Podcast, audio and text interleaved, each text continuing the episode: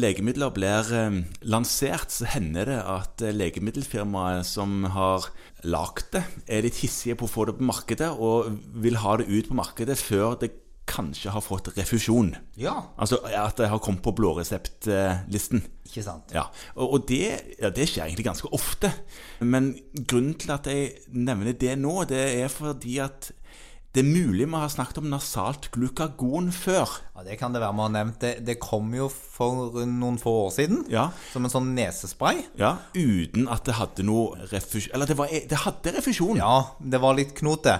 Eh, For det, det som er med den nesesprayen og det, det er jo, Den kom jo en sånn enpakke og koster en arm og en fot.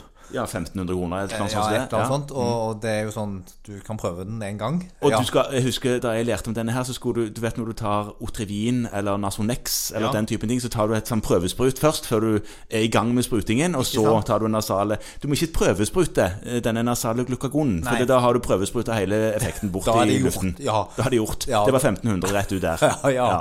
Og glukagon det, det, det funker ikke godt til inhalasjon heller. Det, Nei, det nytter ikke å springe etter den skyen og snuse. Nei. Skal det også sies da at grunnen til at dette funker fint, det er jo at den som trenger det, Mm. løper jo ikke rundt.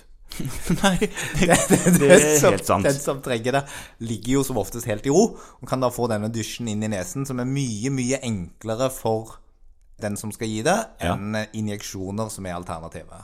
Ikke sant. Og hva var knotet før? Eh, Refusjonsmessig Ja. Refusjonsmessig så var det det at det, det sto at man skulle ha gjentatte refusjonsberettiget bruk, som det så fint heter. Det er jo en sånn liten markør som man kan klikke seg inn på i, i felleskatalogen eller andre steder. Ja. Der sto det 'ved gjentatte hypoglykemiske anfall'.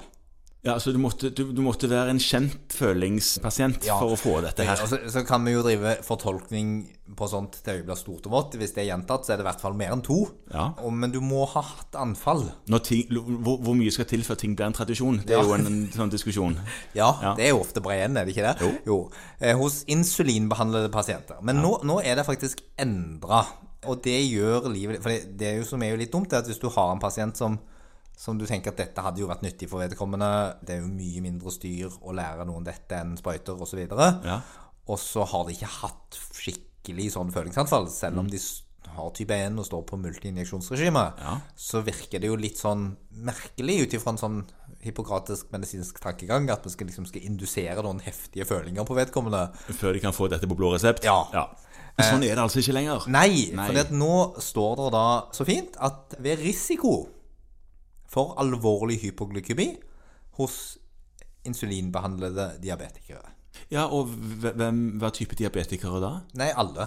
Type 1, 2 og svangerskap? Ja. Ja.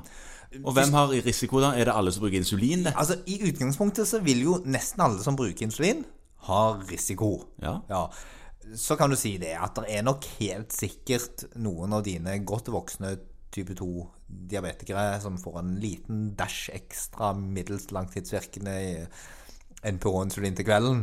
Ja. Som der risikoen for alvorlig hypoglykemi er nesten fraværende. ja, jeg vil si det. At den er borte. Ja. Ja. Men hos alle andre så er det jo veldig mye høyere risiko enn vi fastleger ofte liker å tenke på. Ja. Og Hvis du f.eks. kobler de på en sensor eller noe sånt, og får se hvor ofte de er lave, så kan man jo bli litt bekymret hvis man er sånn av natur. Ja, ja, ja. Men det er mindre problem nå for de som kun er medikamentbehandla etter at vi fikk vekk sulfonylurea. Ja. Ja. Og de er uansett ikke med her, for det, det står at du skal være insulinbehandla. Ja. Eh, Så det er i utgangspunktet noe å tenke på hvis du har insulin. Og hvis du enten er veldig bekymra for, eller tenker at risikoen er høy for, eller har erfaring med at de faktisk får følinger. Så denne går de rundt med, da, denne nasosprayen, og tar dersom eh, de får faretruende lav. og, og da er det jo ofte sånn at da må man kanskje ta en runde, sånn som det var før med sprøytene, og med epipennen f.eks. Mm. Ta en runde med de som ofte er rundt deg når du får dette. Ja. altså foreldre eller barn eller arbeidskolleger, og informere om at dette preparatet skal inn i nesen sånn. ja, og da virker det fort, da. Ja, da virker det kjempefort, akkurat like fort som annen glukagon. Ja. Så det er jo greit å vite om, og dette blir på forhåndsgodkjent blå resept. Så det er jo fint. For den pasienten du nevnte. Ja. Ja.